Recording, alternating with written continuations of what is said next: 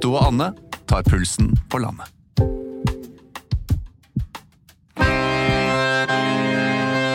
Personen dere nå skal få møte, er musiker. Han trakterer trekkspill, gitar, fløyte, kabal, gaida, pedal steel gitar, mandolin, fele og sekkepipe. Men det ender vel at du spiller kastanjetter også av og til? Hva, Stian? Jo da. Når kastanjettene knatrer i Bygdøy ole. Det. Stian Karstensen, hjertelig velkommen til oss. Tusen hjertelig takk. Du, Det er ikke bare mange instrumenter, men du har også jobba med utrolig mange folk. Ja, jeg har det. Eksempel han som sitter her. Ja, Vi ble kjent i 2004, da Otto lagde en veldig artig forestilling som het Stolt, hvit og vanskelig. Stemmer. stemmer. Og du lagde musikken? Ja. Og Der var det mye banjo? Ja, det var ikke bare én, det var to banjoer. Ja. Mye skepsis, men det blei jo en suksess. da. For Holdt ikke på et års tid eller noe sånt? da, Jo, mer, ja, vi var, du reiste på tur rundt i landet og Altså, Banjoen er på en måte musikkinstrumentenes svar på antidepressiva, så folk blir jo i godt humør av det. Til tross av det var jo mye slåsskamper på forestillingene også. Ja da, det var jo det. Så det er noe med, det, blir, det er liksom, Fra cowboyfilmer man blir liksom for lyst til å slåss, samtidig som man blir i godt humør. Og det tenker jeg det er vinn-vinn. Ja, For det er jo ikke bare folk med vannhode som sitter på broer og spiller, det er jo andre òg.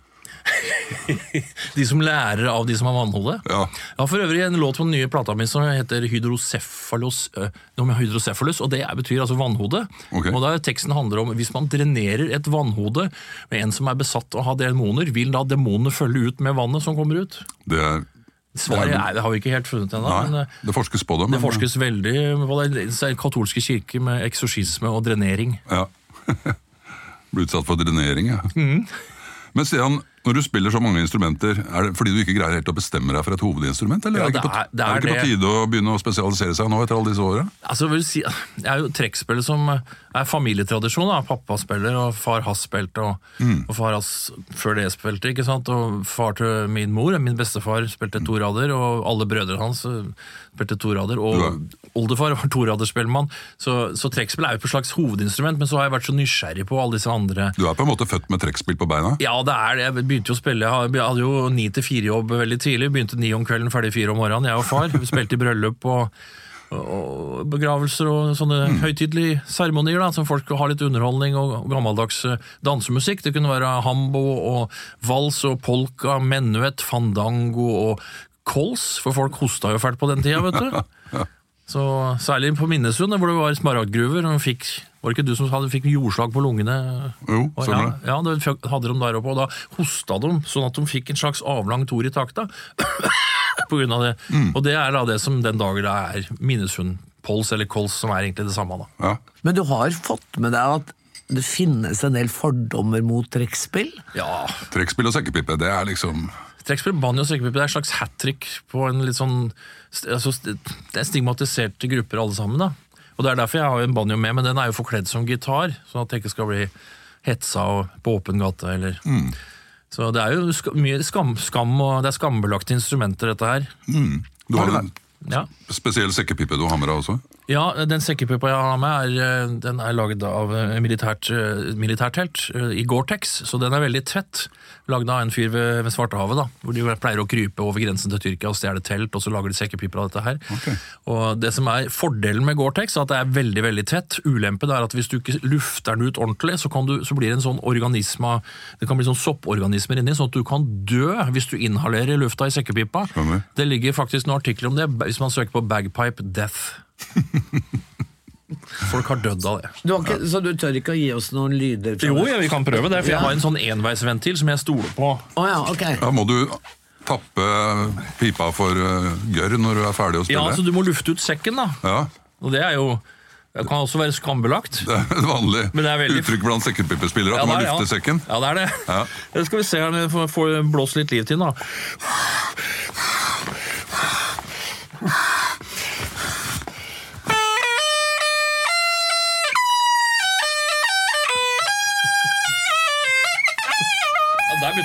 Liv, hørte du det? Ja, det er sopporganismen som tar over. Men men hvorfor den franske nasjonalsangen? Nei, Det var helt tilfeldig. Jeg veit ikke hvorfor, egentlig. Nei. Det kan hende at jeg, jeg leser litt om den franske revolusjonen i siste. Og Da, da pælma de jo musikkinstrumenter ut av vinduene. vet du, så eh, Etter revolusjonen så var det bare fire eh, spinett, altså da cembalo, igjen i Paris. Og pælma ut fra femte etasje, for det var liksom fiffens instrument. fiffens instrument, Men sekkepipa overlevde. Men det var hvorfor i kamuflasjestoff?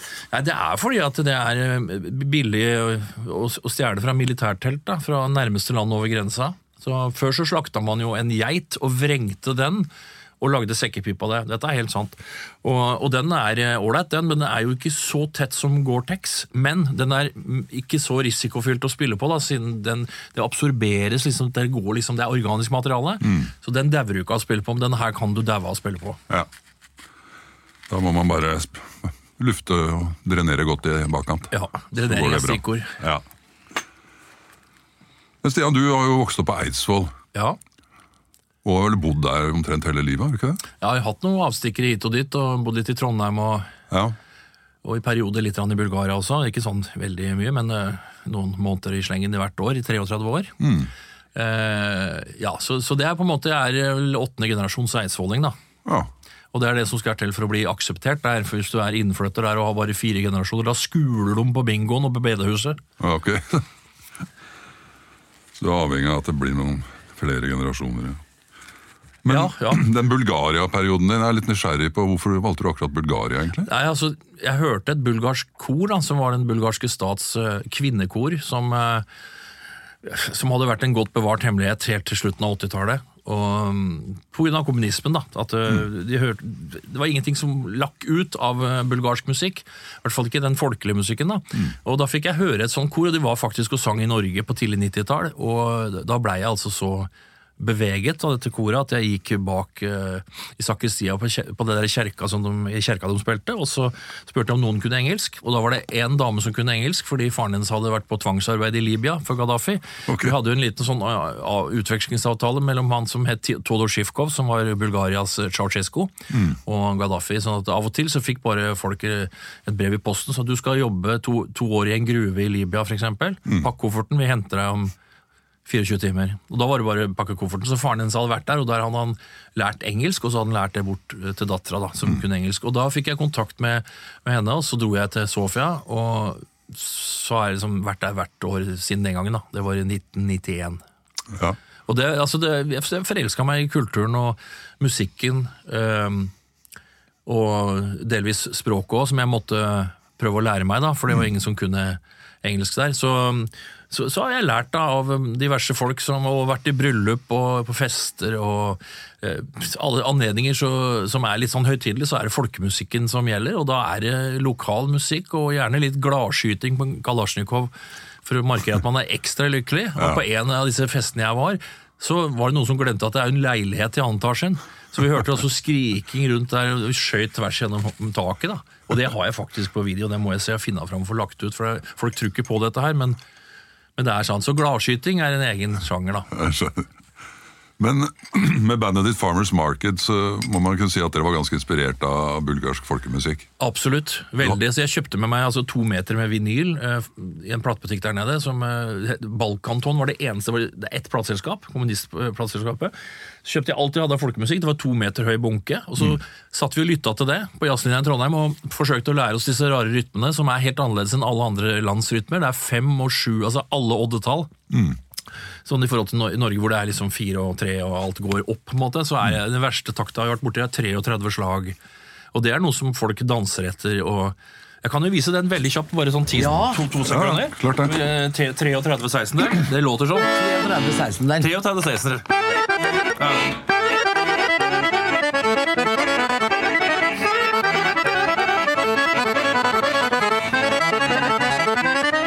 Ja, sånt da. Det går fort. Ja, det, det, det går fort, og så er det sånn at hvis man ikke er vant til det, så kan det jo bli lårhalsbrudd og Å danse til den, i den hastigheten Ja, de der er ganske krevende for kroppen, er det ikke det? Ja, det, er, det og, og det er derfor også folk av og til stryker med hvis det er veldig varmt, og det har også vært vitne til. da. Folk som har dårlig hjerte, at de dauer når de danser. Ja, Det er ikke bare Da bare blir det sekkepipe båret bort på et gladskyting. kjølelager, og så er det kvarters pause, og så er det på'n igjen. Ja. Så, men det er jo, jeg tenker på aktiv dødshjelp. Det er jo en fin måte å dø på. Istedenfor å dra til Sveits og gjøre det på den kjedelige måten. Betale en kvart million. Klart det. Så. Men det var ikke mulig å høre det tunge taktslaget? Nei, altså dette her går altså, Underdelinga er liksom det er 15 slag, og så er det to nivarianter. Sånn,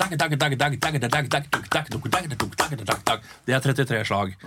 Så det, det, er jo veldig uvant for, for alle andre enn bulgarerne, dette her. Mm.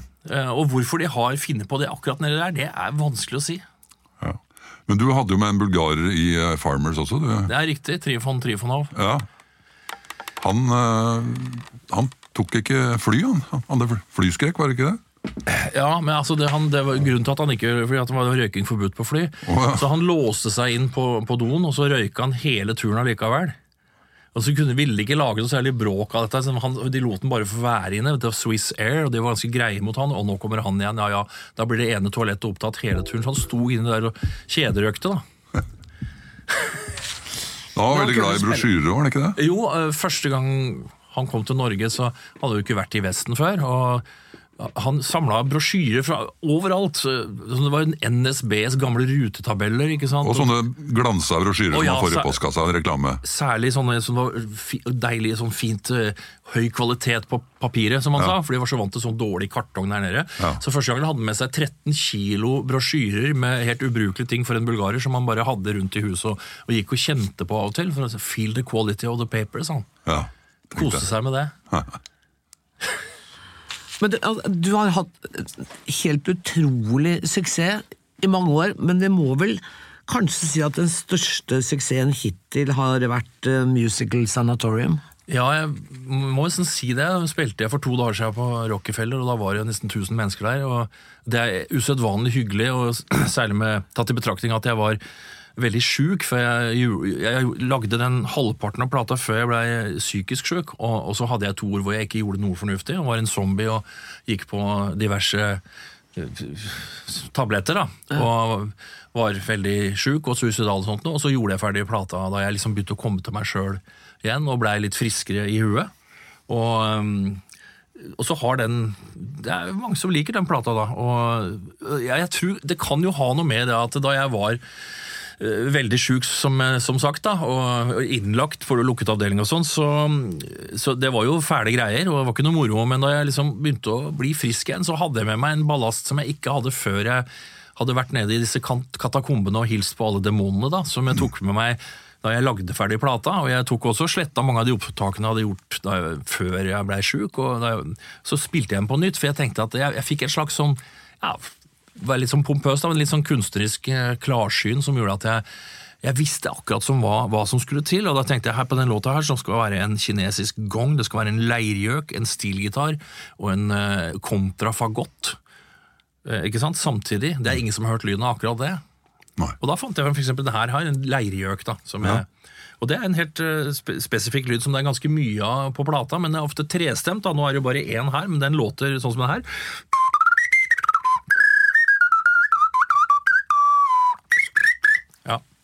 Skogen en vårdag, rett Ja, og slett. ja, det er på en måte det. Litt sånn Ja. Du våkner til liv etter en lang dvale på psykofarmaka. Suprexa og Stilnok og alle de andre uhumske greiene som man får utdelt ved nitida eh, på anstalten. Ja. For å bli sånn passe sløva, så du ikke skal klage på maten, som er jævlig dårlig. Ja. Lunken kolje og husholdningssaft, så mye du vil ha. Ja? Snakker gjøkeredet her. Ja, det skal jeg love deg. Så eh, Det er en slags sånn kjemisk lobotomering, da. Men det så slutta jeg sånn over natta. Jeg tenkte nå må jeg ta meg sammen, jeg kan ikke drive med dette her. Og så må jeg prøve å gjøre ferdig plata mi. Og det gjorde jeg. Og da ble jeg meget oppstemt, da, fra å ha vært en zombie som, som gikk sakte og snakka sakte, til å bli så påskrudd at jeg gikk våken i en uke. Oi. Ja da. Og jeg, jeg, da, da, var det, da var det god fart i, i hjernen, og da fikk jeg gjort veldig mye med opptak og sånn. Altså jeg gjorde, spilte jo inn ting dag og natt, og i tillegg så, så fikk jeg den høggestabb i stua, så jeg drev og kløyvde ved sånn i firetida, og så spilte jeg litt banjo, og så drakk litt kaffe og akevitt og koste meg da. Og da gikk det fort. Men eh, det tempoet som var i hjernen da, er jo ikke sunt sånn i lengden. Nei, så jeg stabiliserte meg etter hvert eh, og blei mer normal, da. Mm. Men det var en stund at det var sånn mitraljøse prating, og jeg, jeg, jeg greide ikke å snakke sakte, for jeg syntes det var for kjedelig. Mm. Og, og i den perioden så Kan jeg bare si at du har ikke lært det enda heller? ja, Da skulle du hørt oh, ja. hvor fort det, gikk når, når det virkelig var Det var omtrent som den demonstrasjonen du hadde på trekkspill i stad. Ja, det litt sånn bare verbalt, ja. Ja. Men du, alle kuttene på den plata Musical Sanatorium handler jo på en måte om noe relatert til det. Altså Ja, det. Synaptic Saltarella. Ja, Saltarello, det er som er en middelalderdans fra Ja. Italia og Spania. Og så har du synapsene, da, som er disse eh, ting som flyr fram og tilbake, og kobler, koblinger mellom forskjellige steder i hjernen som plutselig hilser på hverandre. og Jeg følte at jeg fikk litt sånne nye deler De er jo der, disse delene, men nye deler hilste på deler som de ikke hadde hilst på før. da jeg var innom disse den der demoniske perioden. da. Og en ja. ting som jeg virkelig blei litt oppmuntra av, jeg var ordentlig langt nede, så ringte jeg Øystein Sunde og sa at eh, det hadde jeg kjent i mange år. Jeg tenkte Han har jo fått nordmenn i godt humør siden 1964, så kanskje jeg skal ringe han for å høre om han kan muntre meg litt opp. Og da ringte jeg og spurte Øystein det er, det er så, så mørkt i huet, har du noen tips? Og så bare sukka han litt tungt og så sa han at eh, hvis du tar demonene fra en kunstner, så sitter du igjen med en formingslærer, sa han. og det var jo veldig trøst for meg. altså ja, men Da kjører jeg på, så gjør jeg ferdig plata, og så blei det sånn det blei. da. Ja, Bra tips. Ja, det, jeg må si det er et veldig godt tips. Men du, vi må nesten innom eh, hjemstedet ditt Eidsvoll. Ja. For du har fortalt meg en del eh, rare historier derfra som Ja. du kanskje kunne dele med lytterne. Det er jo ikke så langt fra Oslo. sånn... ja, Det er det jeg tenker på, det er ikke så langt fra Oslo, men når du forteller, så virker det som det er en helt annen planet. Det er helt riktig. Det er akkurat det. Det er en slags klassereise. ikke sant? Og Det første strekket på jernbanen 1854 var jo Kristiania til Eidsvoll. Og som en eh, direkte følge av at de oppretta den strekningen der, så måtte de ha laga sluser i Vorma, for det så, er så grunt Vorma oppover mot Minnesund. Og så skulle de ha båter som skulle frakte passasjerene videre oppover mot Lillehammer og sånn, og Hamar og Gjøvik. Og da måtte de eh, mudre opp og greier, og så måtte de lage sluser, og sånn at de kunne kontrollere vannstanden, så det var, ingen skulle gå på grunn. Og der eh, kom min familie inn, og de så var de første damvokterne i Vorma da, fra 1854, det er min tipptipp. Og um, siden så, så har vi Ja, du har jo vært, vært med på fisketur like utafor der. eh, Vi har vært på fisketur, ja. I Vorma, i det strømmeste stedet som heter Sundefossen, og det er da familiestedet, og det er der den største ørreten i hvert fall veldig mye stor ørret står. da. Mm. Men det er ikke bare fisk der. for at da eh, oldefar var vedlikeholdsdykker på slusene, så for det første så hadde de sånne astronautdrakter som sto farfar og, og bror hans, som var to tvillinger, og sto og pumpa luft inni den der. Og så, så, så de fikk jo ansvaret for det, så hvis de hadde funnet på noe annet, så hadde jo dykkeren dødd. ikke sant? Så Og det var med sånn stor messinghjelm og full pakke. Mm. Ble skrudd på med ja, og så Ja. hadde han sånn der signal, han dykkeren, at når du dro to ganger, da skulle han ha skråtobakk. Så da kasta de skråtobakk nedi et rør. Men det som de gjorde av og til, da, for å være litt uh, avtalemåten, var at de tok kyreteip, som de sa, altså tjære, da, og putte nedi der, og da fikk han jo kjevelåsninger, så da, da røska han noe jævlig, for da ville han opp igjen. Og da pumpa de hele drakta full, sånn at han lå bak, altså fløyt som en sånn Michelin-mann oppå der, og banna og skreik, da. Men det som han fant nedi der som han ikke hadde regna med, det var jo kapteinen på Skiblandet, da. Kaptein Benson, som hadde hadde drukket seg ganske full på en fest på Skiblander, og så den lå ankra opp midt ute i varma, så skulle den ut på en flåta med en sånn diger staka på, og så staka seg til land. Men så var han såpass full at han var hengende på stakan, og plutselig så var han borte. Og ingen fant igjen han derre kaptein. 14 år seinere så var det dykkeren da, som kom opp at han røska i snora sånn 'Jeg trodde faen meg jeg var aleine nedi her', jeg. Og da sto han mellom to steiner og svaia, han kapteinen, stått der i 14 år. Oi. Og i brystlomma så hadde han ei gullklokke, og den har vi jo fortsatt i familien den dag i dag. Da. wow. Jo da. Så dette kan du google. Kaptein Benson Skiblander, og jeg snakka med historikere om det òg, som er liksom spesialister på Mjøsområdet, og dette kan de bekrefte. da. Ja, Jeg har ikke noen grunn til å sitte her og tro at du ljuger, Stian. Nei, men det er mange som tror at jeg ljuger hele tida, fordi at jeg forteller mye ting som høres litt rart ut, men det er faktisk sant. Ja, Nei, jeg tviler ikke. Så var det han som spiser hoggorm. Ja, det stemmer det. Altså, han jeg har lært å spille av, og far min lærte å spille av, det var en kar fra Døli på Eidsvoll, som var en ganske barka type, som var tømmerhugger. Og han var jo sikkert da en 40 år eldre enn far min, da, men da far min var sju år, så da fikk han lov å invitere hvem han ville til sjuårsdagen sin, og da inviterte han han som var tømmerhogger, og så en annen en som var tater, som, eh, som eh, var litt sånn løsarbeider og holdt på mye rart, da, og solgte himbrent og sånn, så det var det to karene fatter'n hadde på sjuårsdagen sin. Og, eh, så det prega jo han veldig, og så har også prega meg, for jeg husker begge disse karene, og jeg lærte å spille til han ene. Og som sagt, han var tømmerhugger, og av og til så felte han trær da, på og da kunne av og til felle tre over et ormebol. Og da, da så jeg at ormen smaug bortover til alle kanter. Og da flaug jeg og slo han i huet med bakenden på øksa, så tok jeg dem hjem igjen, skar opp i beter, stekte det i stekepanna og åt dette her. Så kom kjerringa av og til inn og spurte hva det var, og da kalte han det for buskfisk. Hoggorm er kanskje undervurdert. Ja, altså, nå er det sånn, Vi skal begynne å ete insekter, ikke sant? Hvorfor ikke hoggorm? Uh, og de eter jo slanger nede i Asia. Så, Ja, ja. Gifta sitter jo i, i huet, ikke sant? Så, Ja, så han resten av skrotten alltid, være han fint. sa jeg hugger alltid huet av han, det kaster jeg, sa han. Tar ikke vare på det, ta resten. Koker ikke kraft på det. Kraft på det, ja. ja. Nei, jeg veit ikke. Eh, man må liksom ta- ete, bruke seg kildene som man har, da. Ja. Du har også vært veldig nysgjerrig på, på grunnlovsskrivinga uh, og det som foregikk i Eidsvollsbygningen i eh, 1814. Ja, Du kan jo stille spørsmål ved paragraf to, da. Som Som du sikkert kjenner. er Jøder og jesuitter skal ikke ha adgang til riket. er det toeren allerede? Ja, så det var, det var, Nå har vi gjort unna den første, nå må vi ta den andre paragrafen! Og det, det er jøde- og jesuittparagrafen. Ja. Og jeg veit ikke hvor lenge den sto. og Wergeland var jo veldig mot dette her og jobba for å oppheve få oppheva den Mm. paragrafen der, men han greide jo ikke det i sin levetid, så den sto nok eh, ja, det, kan jo folk google, da, men 50-60 år, kanskje. Mm. Så folk de var jo opptatt av den siden den var tidlig i rekka, for det var jo en del andre paragrafer og diverse ledd og sånn. Ting som kanskje i dag ville blitt vurdert som litt viktigere enn akkurat det. Jeg vil tro det, men det kan jo også ha noe med det der inntaket av alkohol. Jeg vet ikke om, de, om det er noe tall på det, hvor mye de drakk. eh. Jeg har sett en sånn fortegnelse faktisk over hva de spiste og drakk i løpet av de Ja, dagene de var der oppe, og det var noen vanvittige mengder. Altså. ja det var utrolig mengder, særlig med alkohol og Ja. eh, mye kjøtt og sånt, men eh, bare 1,5 kilo abbor.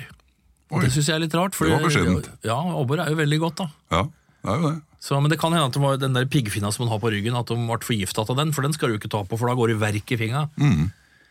Så jeg veit ikke blandinga av abbor, piggfinner og himbrent og, og sånt, om det kunne ha noen innvirkning på sjølve lovverket.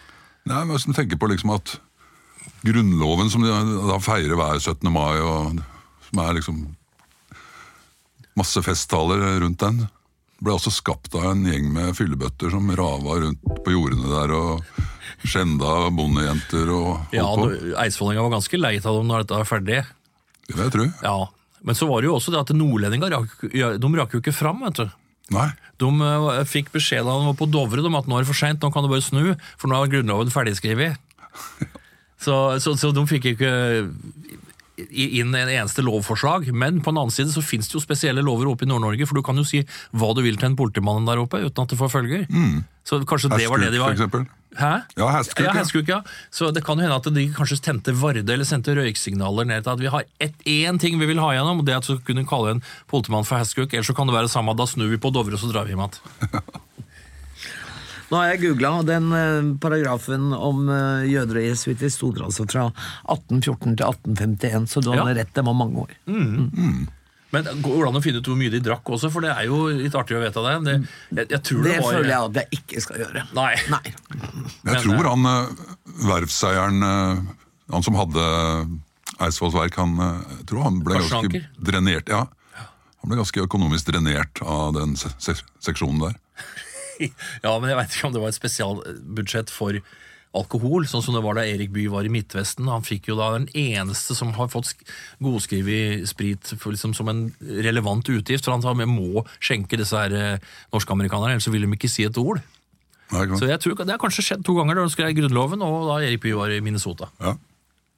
Men det er klart du blir jo kreativ etter et par drammer.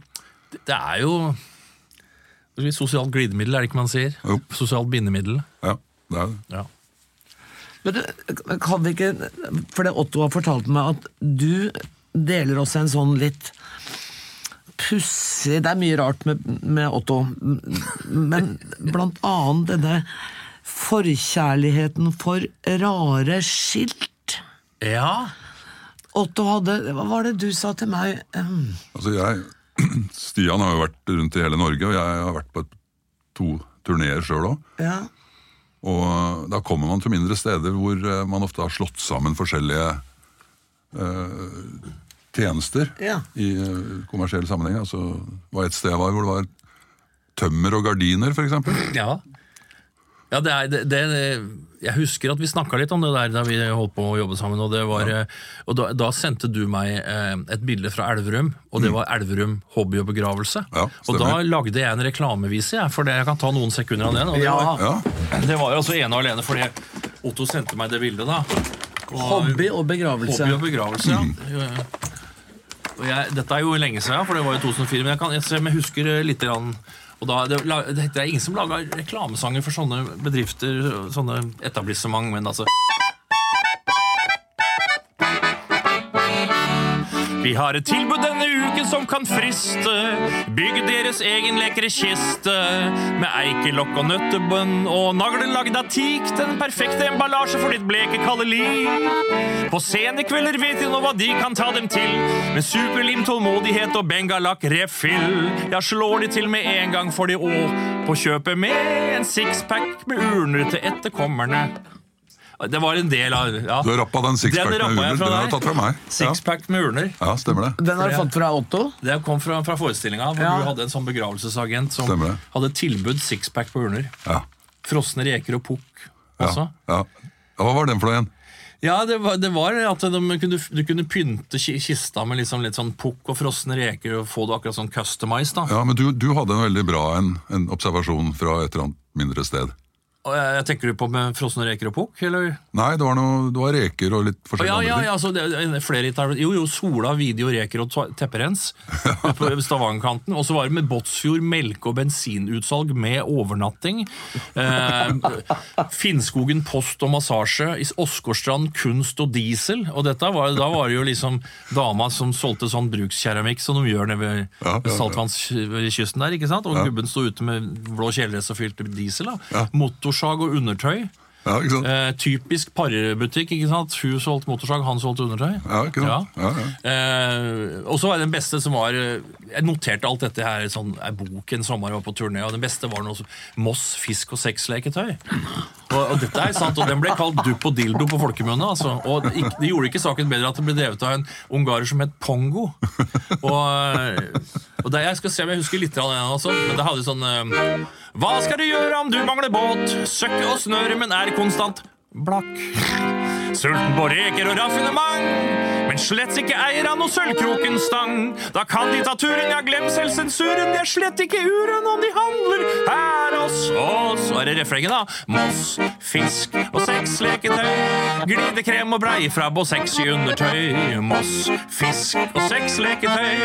Ja, og så videre, ikke sant? Ja, det er morsomt. Bøttplugg og flyndre til byens arme syndere er noe av det vi fører i vårt etablissement. Med reker ifra fedasølet kan du og madammen søle heftig og kraftig i husets møblement. Ja, hvis du er tolerant. Og sånn som det der, da. Ja, ja. Det er litt dette- sånn uh, revyvisestil, da. Og, men dette ble jo til slutt en bok. Du Ja, det og. Øystein Sunde har skrevet 'God sesong for leppefiskere'. Ja, helt riktig. Og det, den tittelen den tok vi fra Norsk Fiskeriblad, eller Ja. hva det heter for noe. Eh, Fordi at I disse lakseoppdrett, eh, disse merdene, så er jo mye lakselus, og da må man ha leppefisk som spiser lakselusa. Så det er en egen business å fiske leppefisk som man selger til lakseoppdrett-businessen, ikke sant? Leppefisken er jo nærmest utrydda pga. det. Ja, det er berghylta er eh, truet uh, dyreart nå. Ja. Og, og da var altså uh, overskrifta, førstesida på dette fiskeribladet, var 'God sesong for leppefiskere'. Men det skulle jo egentlig vært 'God sesong for leppefiskfiskere', så det hørtes ut som de var ute og fisker lepper. Ja. Så da tok vi den som tittel, og så er eh, undertittelen 'Perledykk i folkedypet'. Og her er jo mye rart. og mye av det der. Tana Musikk og Maskin, for for eksempel. Det er en Ja. fyr som spiller danseband og, og graver gjerne og uh, kloakkflær. klart det. også. Klart det. Så, så mye sånt er i den boka her. Og eh, også sånne skilt som er litt gøyale. I Arendal så fant jeg 'Dydens vei stengt for gjennomkjøring', for eksempel, og sånne ting. Så, og ingenting er ment å være morsomt, men det er jo gøyalt. Altså, for eksempel Lafte er tømmerhytte mistet på strekningen Trysil-Elverum. Det er også godt gjort. Ja, det er godt gjort. Så, så det er mye rariteter der. Altså, så Vi har hatt det mye morosomt med dette her. Og akkurat som vi holdt på å sende bilder til hverandre av sånne kuriøse ting. Ja.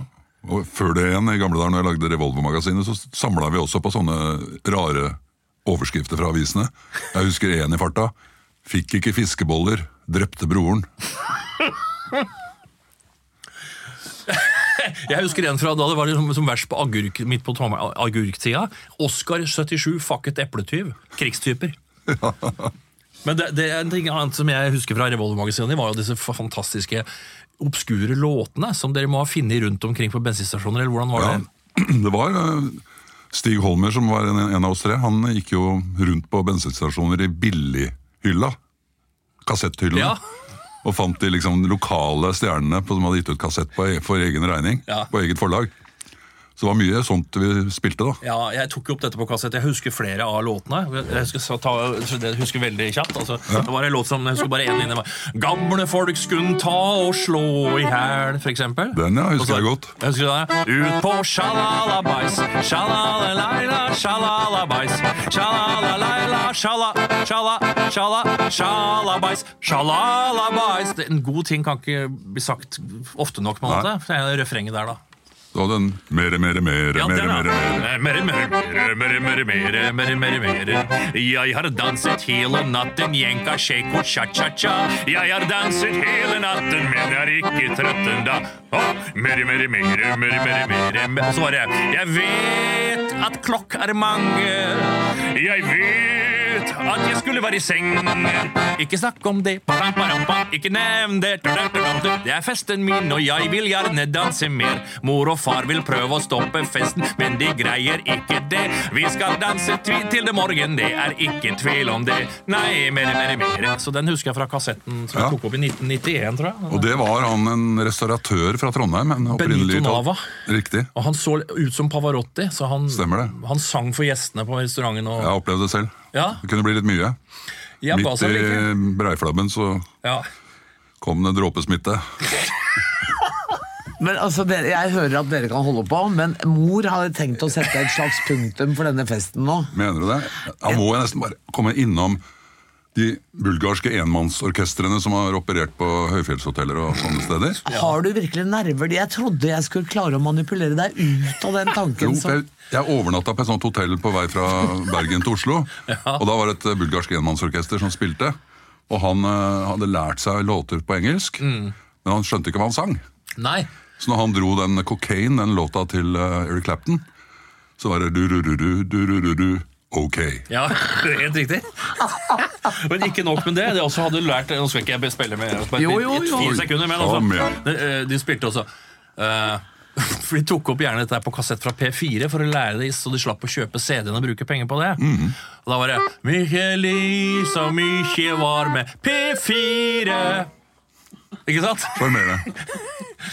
Så, nei, jeg jeg har blitt kjent med en del av disse folka som bulgarske landsmenn. Og en gang i året vet du, så er det en sånn uke nede på Svartehavskysten hvor alle norske hotelleiere sier til konene sine nå skal vi, det, vi skal finne nytt band til hotellet for i år, så jeg blir borte en ukes tid der. Og det er jo, sannheten om det er jo verre enn han der hva heter det for han der som er i så hardtværende og en idretts... som har vært i Bøsseberg. Russland? Ja, riktig. Det er mye mye verre enn det. For alle vet jo, altså, Det er ikke noe audition her, de, bare, de bruker samme bandet hvert år, men det er en unnskyldning for å reise ned til Svartehavet for å drikke rakia, da, sånn, sånn Slivovica og greier, og være sammen med Ja, Lokale kvinner. det kan hende. Ja. Det var du som sa det, jeg sa ingenting. Nei, ja. Men du, fremover nå altså Jeg skjønte at jeg fikk ikke lov å avrunde, så da spør jeg like hva, hva er planene? Ja, det blir jo øh, Vi skal spille med til Sanatoriumsorkesteret, da. Som, det er jo litt av et puslespill, for vi er jo 19 øh, på scenen. Inkludert da en fra Bucuresti og en fra øh, Sofia. og Masse strykere, fagott, horn, pauker, orgel, mellotron og leirgjøker og det som er. Så, men vi skal spille litt framover. Og, så, og så driver jeg og pønsker på ny musikk, som jeg skal stikker til Sør-Afrika om en øh, fire dagers tid. Og blir der et par uker for å skrive, skrive nytt materiale. Og um, pønske litt eh, på atelieret til Lars Elling, som har, driver og maler. Så han skal male mens jeg skriver musikk, og så skal vi ut og se på apekatter om kvelden. Ja. Um, og så blir det mye turneer og konserter, en del solokonserter også. Jeg holder på litt aleine med sånne enkeltmannsforetak og forteller disse sanne historiene fra min barndom og synger noen viser som jeg har skrevet i sakens anledning, både på dialekt og litt i sånn Einar Rose-stil og juster som jeg er veldig glad i. Altså gamle, så jeg blander det gamle og det nye, da. Ja, flott. Skulle vi bedt om å få en liten smakebit av Einar Rose før vi avrunder, eller? Vi kan ta Eller min, vil du Det er grus? ikke gærent med Einar Rose sånn helt på Jeg kan ta det veldig veldig kort, altså, sånn som jeg husker at han sang. Så, og vannet steg, og vannet steg Det er min korteste parodi.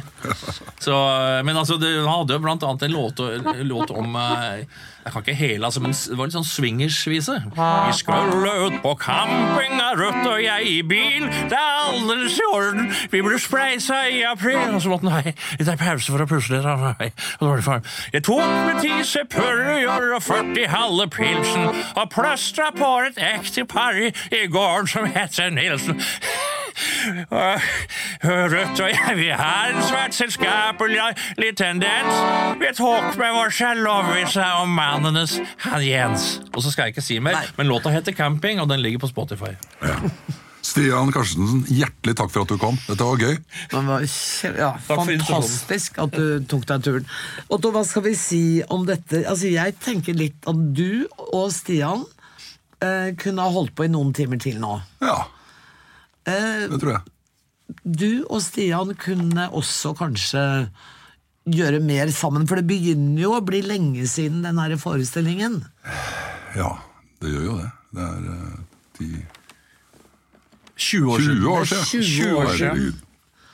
Når som helst, hvor som helst. Som Rudolf Blodstrupen sa til Reodor Felgen. Ja. Jeg ville til å mø- møte åkken som helst, når som helst, hvor som helst.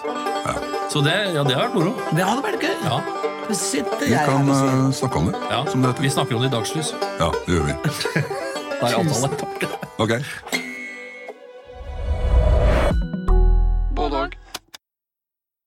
Kiwi er billigst i VGs matbørs og har vært billigst i fire av de fem siste VGs matbørser. Og nå presser vi prisen på påskevarer fram til 1. april. På 522 gram Toro pannekakemiks presser vi prisen fra 42,90 helt ned til 34,90. På 410 gram Lerum bringebærsyltetøy presser vi prisen fra 32,90 helt ned til 22,90. For det er vi som er prispresserne. Og vi i Kiwi gir oss aldri på pris.